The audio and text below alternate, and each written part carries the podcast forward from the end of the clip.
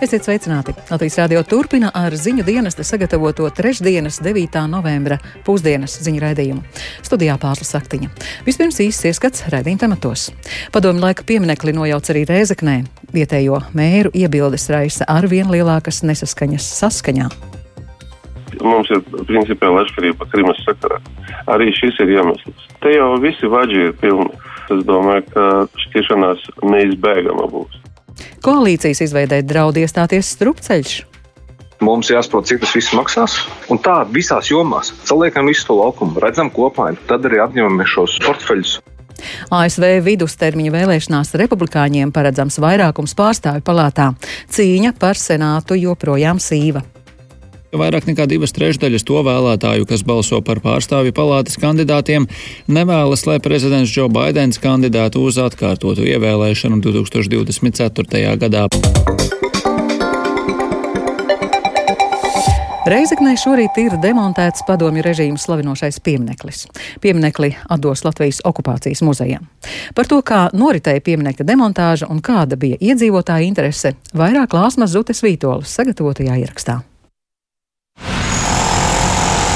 Jau agri no rīta, kad ārā vēl tumšs un pilsēta vien pamazām mostas, pieminekļa teritorija tika norobežota, dežūrēja policija un tika uzsākti demontāžas darbi.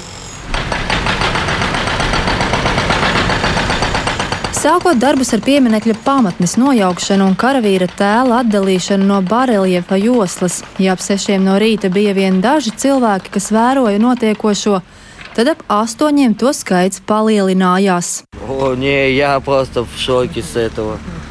Без комментариев, реально.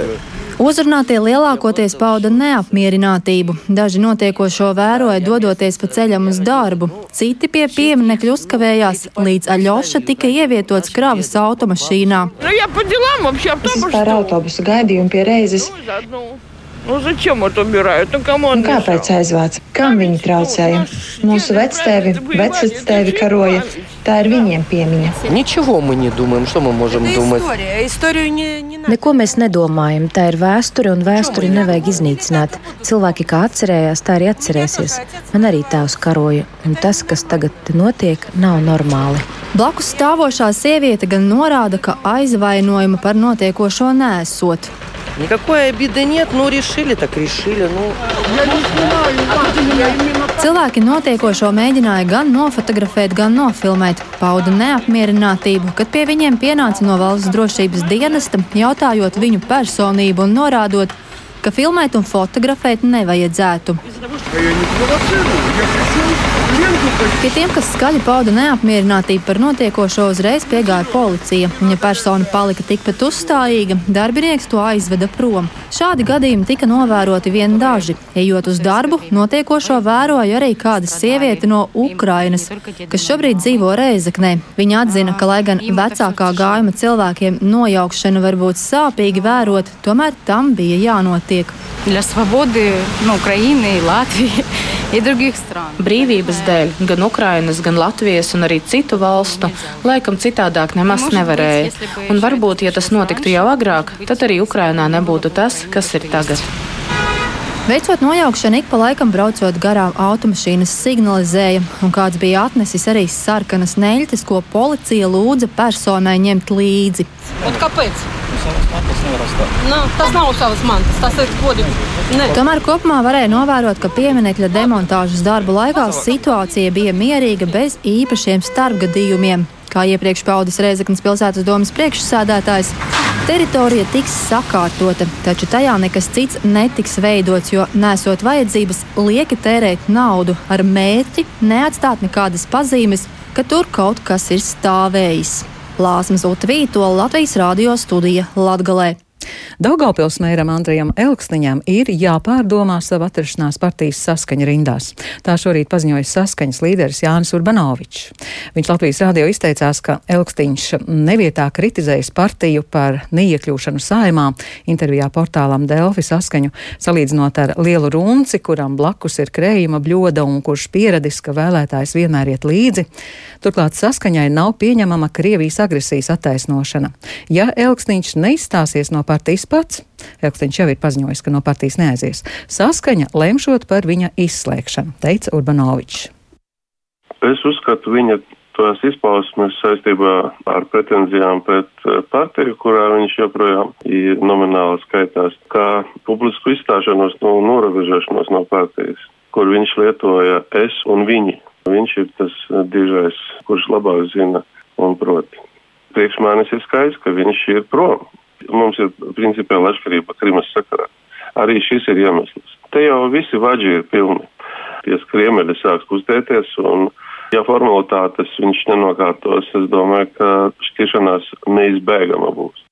Un atgādināsim, ka Elksniņu paskaidrojumu sniegšanai izsaucis arī valsts drošības dienests, jo Daugaupils mērs publiski izteicās, ka Ukrainas pussala Krima ir Krievijas sastāvdaļa. Bet kas notiek ar jaunās valdības sarunām? Apvienotās saraksta frakcija šodien tiekas ar valdības veidošanas sarunu vadītāju Krišāni Kariņu no jaunās vienotības sarunas temats - sarežģījumi valdības veidošanas procesā, kas var ievest strupceļā. Un par to vairāk pastāstīs Jānis Kīncis, kurš pievienojas studijā. Jāni, pastāsti lūdzu, kāpēc valdības izveidas sarunas pašlaik apstājušās? Jā, sveicināti klausītāji! Pagājušajā nedēļā šo sarunu vadītājs Krišjāns Kariņš no jaunās vienotības piedāvāja atbildības jomu sadalījumu jaunajā valdībā, un tam esot piekritusi Nacionālā apvienība. Savukārt apvienotais saraksts eh, aizvien nesteidz piekrist piedāvājumam par atbildības jomu sadalījumu. Tā pārstāvja iebilst, ka vispirms ir jāvienojas par deklarāciju, tas ir eh, nākamās valdības uzdevumu plānu par visām nozarēm, un nevajadzētu sākt ar portfeļu sadalījumu, kā tas ir bijis senākos laikos. Tāpat arī vajadzīgs atšķirīgs valdības pārvaldības, eh, ministru kabineta pārvaldības modelis. To uzsver apvienotā saraksta saimnes frakcijas vadītājs Edgars Tavars. Paklausīsimies viņa teikto. Mēs vienojamies to, ka mēs paralēli sākam strādāt nopietni darbu pie deklarācijas, pie šīs savstarpēji solidārās atbildības par visām jomām. Pirms mēs uzņemamies atbildību par kādu jomu, jebkuru jomu, apvienotā saraksta prioritāte ir. Mēs izējām cauri visiem problēmu jautājumiem. Ko mēs darām, kādi ir resursi, jaunā ministrijas izveide. Mēs memorandumā parakstījām, ka tur būs tikai klimats un enerģētika. Savukārt jaunajā piedāvājumā jau bija vide, daba, klimats un enerģētika. Mums jāsaprot, cik tas viss maksās, un vai mēs tiešām varēsim sasniegt to sākotnēji nospraustu mērķi jau tuvākajos mēnešos cilvēkiem, lai elektrības rēķini paliek mazāki. Un tā visās jomās saliekam visu to laukumu, redzam kopainu, tad arī atņemam šos portfeļus un virzam labākos no labākajiem. Lūk, un šāda pieeja pēc tā var teikt, tā nodrošinātu arī starppartiju un starp nozaru sadarbību ministriju vadībā. Par šiem ierosinājumiem apvienotais saraksts ir aicinājis Krišānu Kariņu uz šo tikšanos, un par galveno sarunu vadītāju ir pārapstiprinājis saraksta līderi uzņēmēju Uldi Pīlēnu. Un te arī ir problēma, jo jo Kariņš iebilst pret Pīlēnu turpmāk dalību šajās sarunās. Pēc eh, premjera teiktā Pīlēns, būdams apvienotā saraksta līderis, neparakstīja iespējamās koalīcijas partneru sagatavoto memorandu. Turklāt viņš nesot startējis saimnes vēlēšanās, tāpēc Kariņam vairs nesot īstas skaidrības, ko Uldis Pīlēns pārstāv. Ņemot vērā šos sarežģījumus, kopš piekdienas tiešām ir apstājušās konkrētas darbības valdības plāna izstrādē. Nu, kas var notikt tālāk? Kādi ir iespējamie scenāriji? Iespējams, ka šodien izdosies vienoties par Krišāņa Kariņa plānu, un apvienotais saraksts piekritīs uzņemties atbildību par vairākām ministrijām. Atgādināšu, ka tās viņiem ir piedāvāts eh, uzņemties atbildību par veselības, reģionālās attīstības, iekšlietu un zemkopības ministriju vadību. Un tādā gadījumā jaunā vienotība, apvienotais saraksts un Nacionālā, Nacionālās apvienības pārstāvju darba grupās jau varētu ķerties pie valdības deklarācijas izstrādes. Savukārt, ja apvienotais saraksts saglabās šo pozu, nepiekrītot Kariņa piedāvātajai notikumu secībai. Tad var sekot kādi citi pavērsieni, mēģinot paplašināt koalīcijas sarunu dalībnieku klāstu. Piemēram, šorīt intervijā TV3 raidījumā 900 sekundes Kariņš atzina, ka no trīs politiskiem spēkiem, trīs politiskiem spēkiem netiekot uz priekšu, būtu jāatgriežas pie sākotnēji piedāvātā četru partiju koalīcijas modeļa, ieskaitot progresīvos. Tad nu gan Grūti saprast, kā tas varētu notikt, zinot apvienotā sarakstu un Nacionālās apvienības noraidošo nostāju pret šo politisko spēku. Tad nu, šobrīd atliek gaidīt apvienotā saraksta un Krišāņa Kariņa tikšanās noslēgumu un kādus secinājumus pēc šīs sarunas.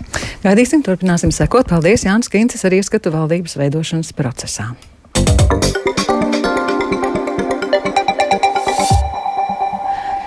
Ukrainas bruņotie spēki turpina aizstāvēties un nostiprināties Hersonas un Donetskas apgabalos un pakāpeniski atbrīvot apdzīvotās vietas no Krievijas iebrucējiem. To norādījis Ukrainas prezidents Volodimirs Zelenskis. Viņš izteicies, ka Ukrainas austrumos Bahmutas un Avdijevkas virzienos Krievijas armija katru dienu turpina zaudēt apmēram simt karavīru. Donbass joprojām ir galvenais Krievijas uzbrukuma epicentrs. Tikmēr Krievija turpina dot triecienus civilai un enerģētikas infrastruktūrai. Turpina Rihards Plūme. Ukrainas ministru kabinets otrdien pieņēma svarīgu lēmumu, kas palīdzēs Ukraiņiem pārdzīvot ziemas periodu. No pievienotā vērtības nodokļa un ievadmuitas tiks atbrīvotas tās importētās preces, kas nepieciešamas apkuras sezonā. Ukrainas prezidents Valdemirs Zelenskis norādīja, ka tam būtu jāvienkāršo un jāsamazina ģeneratoru, akumulatoru, transformatoru un citu līdzīgu iekārtu piegādes Ukrainai, energoapgādei un siltumapgādei. Pēc Zelenska domām svarīgi ir arī uzkrāt pietiekamu daudzumu gāzes un ogļu, lai nodrošinātu iedzīvotājus. Zelenskis minēja, ka turpinās darbs pie normālas dzīves atjaunošanas no Krievu okupantiem atbrīvotajās apdzīvotajās vietās, tostarp veicot remontdarbus visos tajos energo objektos, kurus skāruši nesenie uzbrukumi. Amerikas Savienotajās valstīs noslēgušās vidustermiņa vēlēšanas un aktīvi norita balsu skaitīšana. Cīņa par senāta kontroli saglabājas sīva, taču pārstāvju palātā vairākums visticamāk pāries republikāņu rokās. Pēc sākotnējo rezultātu apkopošanas vadošie republikāņi atzinuši, ka tā dēvētais republikāņu sarkanais vilnis vēlēšanās nav noticis, proti atbalsts republikāņiem nav bijis tik liels, cik cerēts. Demokrātu pārstāvi, pārstāvju palātas spīkere Nancy Nansī Pelosī tikmēr atzinusi, ka pārstāju palātas demokrātu deputātu un kandidātu rezultāti visā valstī būtiski pārsniedz cerības. Plašāk stāsta Rihards Plūme. Amerikas Savienoto Valstu vidustermiņa vēlēšanās tiek izraudzīti visi pārstāvju palātas locekļi un trešdaļa senatoru, kā arī dažāda ranga amatpersonas pabalstu un vietējā līmenī. Uz spēles likta kontrole pār kongresu un prezidenta Džo Baidena iespējas atlikušajos divos gados Baltijā namā īstenot savas iekšpolitikas un sociālās politikas ieceres. Prezidenta partija tradicionāli ir zaudējusi vietas vidustermiņa vēlēšanās, republikāņiem uzvarot gan pēc Baraka Obamas, gan Bila Klintona pirmajiem prezidentūras diviem gadiem. Un šis gads šķietami nebūs izņēmums. Tomēr demokrātu zaudējumi galu galā varētu neizrādīties tik lieli, cik iepriekš paredzēts. Apkopojot pirmos rezultātus, šķiet, ka republikāņi visticamāk būs nodrošinājuši sev vairākumu pārstāvju palātā, kurā ASV prezidenta Džo Baidena vadītajiem demokrātiem līdz šim bija minimāls vairākums. Savukārt neskaidra joprojām izskatās situācija senātā. To, kurš kontrolēs senātu, noteiks dažas atlikušās vietas, par kurām vēl jāsaskaita balsis. Būtisku uzvaru cīņā par senātu demokrāti guva svarīgajā Pensilvānijas štatā, kur partijas sīvajā cīņā iztērēja miljoniem dolāru. Šajā štatā vēlētāji deva priekšroku demokrātam Džonam Fettermanam, nevis republikānim Mehmetam Ozam. Līdz šim Pensilvāniju senātā pārstāvēja pēc to skumijas no republikāņu partijas. Demokrātu panākumi Pensilvānijas štatā vedina domāt, ka izredzes uz vairākuma noturēšanu senātā ir lielākas. Lūk, Fetermana teiktais.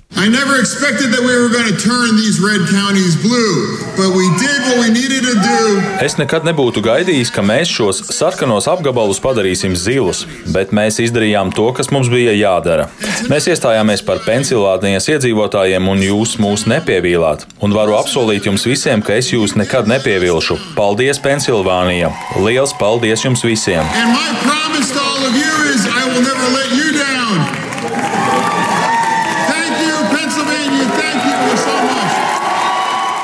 Kopumā jāsaka, ka republikāņu cerētais plašais uzvaras gājiens, jeb tā dēvētais sarkanais vilnis šajās vēlēšanās nav īstenojies.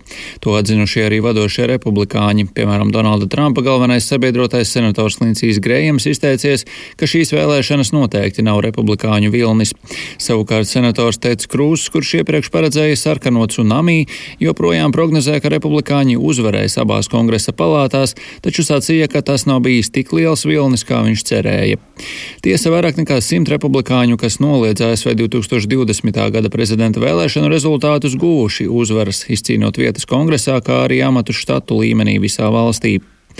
Pēc mediju pasūtītas jaunas aptaujas datiem secināms, ka vairāk nekā divas trešdaļas to vēlētāju, kas balso par pārstāvju palātas kandidātiem, nevēlas, lai prezidents Džo Baidens kandidātu uz atkārtotu ievēlēšanu 2024. gadā. Aptuveni 9 no 10 republikāņu vēlētājiem izteikušies, ka nevēlas, lai Baidens piedalītos nākamajā prezidenta vēlēšanu kampaņā, bet mazāk nekā 6 no 10 demokrātu vēlētājiem uzskatīja, ka viņam vajadzētu to darīt. Nākamnedēļ par savu kandidatūru 2024. gada vēlēšanās varētu paziņot Donalds Trumps. Rihards Plūme, Latvijas radio.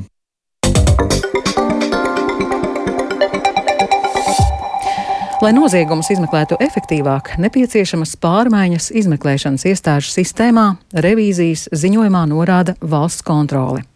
Revidenti secina, ka kompetence izmeklēt koruptīvos noziegumus pārklājas, tāpēc iesaka iestāžu skaitu mazināt. Vēl revidenti norāda uz nevienlīdzīgo izmeklētāju atlīdzību un aicina īstenot sistemātiskas izmaiņas. Par šiem un citiem valsts kontrolas secinājumiem plašāk Lindas Spundiņas sagatavotajā ierakstā. Latvijā noziedzīgu nodarījumu izmeklēšanu veic 11 iestādes. Valsts policija, iekšējās drošības birojas, valsts robežsardze, ieslodzījuma vietu pārvalde, valsts ieņēmuma dienesta nodokļu muitas policijas pārvalde un iekšējās drošības pārvalde, korupcijas novēršanas un apkarošanas birojas, valsts drošības dienests un militārā policija. Atsevišķos gadījumos arī tālbraucienos esoši jūras kuģu kapteiņi un ārvalstīs esoši NBS vienību komandieri. Institucionāli iestādes pieder dažādiem resoriem, un tās atšķirīgi pārvalda, tāpēc nereti notiek savstarpēja konkurence par kvalificētu personālu piesaisti. Revidenti norāda, ka jāveic sistemātiskas izmaiņas, lai nodrošinātu līdzvērtīgu atlīdzību līdzīgas kvalifikācijas izmeklētājiem. Valsts kontrole aicina palielināt mēneša algas īpatsvaru un samazināt mainīgās daļas īpatsvaru, tā padarot atlīdzības sistēmu vienkāršāku, pārskatāmāku un saprotamāku. Lielākā mēneša alga ir izmeklētājiem iekšējās drošības birojā, savukārt mazākā mēneša alga vidi izmeklētājiem. Starpība gandrīz 40%. Valsts kontrole piemin, ka, piemēram, valsts policijas zemākā līmeņa izmeklētājiem revidentu ieskatā alga ir ļoti maza - aptuveni 1200 eiro, kas ietekmē kvalificētu personāla piesaistīšanu. Iekšlietu ministrijas valsts sekretārs Dimitrijs Trofīmovs atzīst, ka vēsturiski veidojies nevienlīdzīgs atalgojums starp izmeklētājiem, taču izmaiņas atkarīgas no atvēlētās naudas budžetā. Valsts pārvaldes kontekstā mēs runājam, ka no 1. jūlija stājušies spēkā grozījumi atlīdzības likumā, kas dot iespēju iestāžu vadītājiem šo atlīdzību pārskatīt, bet viss tas notiek šobrīd esošā budžeta ietvaros. Līdz ar to, protams, domājot par izcinājumiem uz priekšu attiecībā uz tām iestādēm, kas šobrīd ir mazāk nodrošināti nekā tie, kuriem šī atlīdzība ir augstāka. Protams, tas būs iztrūkuma jautājums un budžeta pietiekamības jautājums. Secināts, ka kompetence izmeklēt koruptīvos noziegumus pārklājas.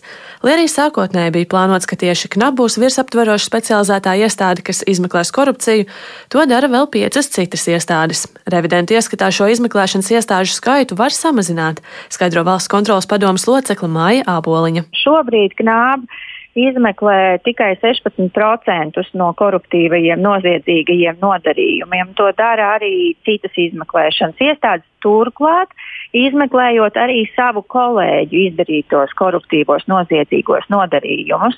Tur mēs redzam iespējas optimizācijai un jau strādājot pie tā, lai novērstu šo iekšējo interešu konfliktu, jau tas vien uzlabot situāciju un samazinātu šo decentralizēto pieeju attiecībā uz koruptīvo noziegumu izmeklēšanu. Āboliņa norāda, ka jāpārvērtē iekšējā noziedzīgo nodarījumu izmeklēšanu, novēršot potenciālo interešu konfliktu, kas rodas izmeklējot kolēģu noziedzīgo rīcību. Tas ir saistīts ar tādām cilvēcīgi draudzīgām attiecībām starp kolēģiem vienā iestādē.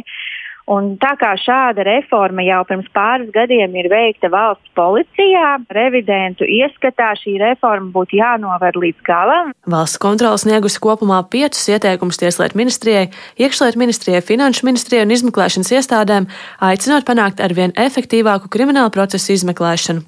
Iekšlietu ministrija pauž gatavību strādāt pie ieteikumiem. Linda Spundiņa, Latvijas radio. Latvijas sabiedrība izmirst, cilvēku kļūst mazāk. Tādēļ ekspertu sadarbības platforma Demogrāfisko lietu centrs nāk uz klajā ar tautas attaudzes stratēģiju, plānu, kā veicināt dzimstību. Un tieši tagad eksperti iepazīstina šo stratēģiju. Kristaps Feldmanis seko līdz notiekošajam un šobrīd pievienojas mums tiešraidē. Sveiks, Kristap! Jā, sveika pārsla, labdien Latvijas radioklausītāji. Kristap, lūdzu izstāsti, kādēļ šis jautājums vispār ir aktuāls, proti ar kādiem demogrāfijas izaicinājumiem mēs šobrīd saskaramies? Jā, nu, tā problēma ir patiesi nopietna. Sabiedrība izmirst, cilvēku kļūst mazāk. Mums šeit Latvijā e, šobrīd dzimstības rādītājs Latvijā ir 1,57. E, tas gan pārsniedz Eiropas vidējo rādītāju tādā labā virzienā, bet tas ir vājš mierinājums, jo, lai runātu par, e, nu, par tādu attaudzi, tad vidējiem rādītājiem būtu jāsasniedz vismaz divi. Proti, divi vecāki rada vismaz divus bērnus. Sabiedrības mazināšanās šī nu, problēma var radīt piemēram darba spēku trūkumu, pensiju fondu mazināšanos, piemēram, drošības apdraudējumu, ja nav kas strādā šajās struktūrās nākotnē, un ļoti, ļoti, ļoti daudz citus riskus. Kristap, un ko konkrēti paredz šī tautas attaudzes stratēģija? Jā, nu, šī stratēģija paredz virkni dažādu pasākumu un principu, kas varētu nu, mudināt vecākus lemt par, par labu bērniņam, pirmajam vai, vai vairākiem. Proti, tautas attaudzes stratēģijas būtība ir tā, ka ar katra nākamā bērna ienākšanu ģimenē ģimenei būtu jājūtas ar vien labāk pasargātai un privileģētākai. Nu, cerēts, ka 2027. gadā nu, visādu šo atbalsta mehānismu rezultātā šis dzimstības rādītājs varētu sasniegt 1,77. Nu, šajā stratēģijā, protams, ir ļoti daudz un dažādi aspekti. Tas ir jautājums par reemigrācijas veicināšanu, sociālo taisnīgumu, un, piemēram, ka māmiņām, kuras aiziet eh, šajā bērnu kopšanas atvaļinājumā, pensijas nedrīkstētu būt mazākas kā, kā tām, kuras eh, nav radījušas bērnus, vai, vai tēviem, kuri retāk dodas šajos atvaļinājumos. Tāpat ir eh, jauniešiem jāmudina un jāpalīdz veidot savu patstāvīgo dzīvi, mājokļu pieejamības veicināšanu veicināšana, pirmsskolas aprūpes reforma, kas līdzīgi kā Skandināvijā varētu, piemēram, arī nu, dot pabalstu par, par to, ka vecāks paliek ilgāk mājās ar bērnu vai, vai auklīti vai, vai nu, proti, atbalstīt šādā veidā vispār kopējās dzīves kvalitātes uzlabošanu. Un, jā, nu šis rādītājs, ko grib sasniegt 2027. gadā, kā jau minēju, ir 1,77. Nu, tā tad joprojām zem divi, taču jau nu tuvāk. Tātad šī stratēģija strādā nu, jau ar desmit tādiem demogrāfi ietekmējušiem faktoriem. Nu, kā jau minēju, nodrošināt komfortablus dzīves apstākļus, svarīgi arī pozitīva grūtniecības pieredze, nozīmīga drošība par valsts ekonomisko izaugsmu un citiem aspektiem. Tātad šis plāns ir ļoti daudzšķautņains un kādus konkrētākus piemērus šodien ziņu raidījumā labrīt minēja arī šī demogrāfijas lietu centra vadītājs Imants Parādnieks. Tad lūdzu noslēgumā arī viņas sacītais joprojām šis bērnu kopšanas pabalsts, kas uh, tika mainīts 2012. gadā līdz 171 eiro, viņš jau joprojām nav mainīts. Viņam šobrīd vajadzētu būt vismaz 427 eiro, jo jaunā sieviete ar šādu atbalstu nu, izvēli par labu bērniņam ir diezgan sarežģīti izdarīt. Mm. Un vienlaikus, kas vēl ir svarīgi, kad arī sevišķi pēc augstskolas, tad, kad ir studiju kredīta nasta, arī tā ir jāatslogo. Bet es vēlreiz gribu uzsvērt, ka tie ir daudz pasākumu kopums, lai katrā dzīves situācijā ģimenes tiešām jūtas pasargātas. Nu, tik tālu par demogrāfiju Latvijā un iecerēto, kā to uzlabot.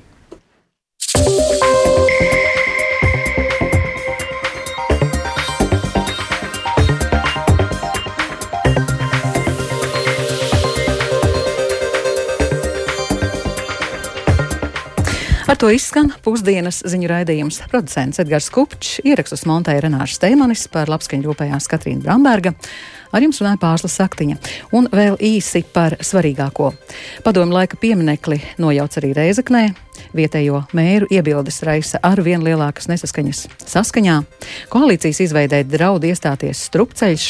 Zelenskis paziņo, ka Donbass joprojām ir galvenais Krievijas uzbrukuma epicentrs. ASV vidustermiņa vēlēšanās republikāņiem paredzams vairākums pārstāvju palātā cīņa par senātu joprojām sīva. Lai noziedzīgus nodarījumus izmeklētu efektīvāk, nepieciešamas pārmaiņas izmeklēšanas iestāžu sistēmā, secina valsts kontrole. Šī raidījuma atkārtojumu meklējiet raidierakstu platformās, kā dienas ziņas un Latvijas radio mobilajā lietotnē. Latvijas radio ziņām sekojiet arī Latvijas radio viens Facebook lapā un LSMLV.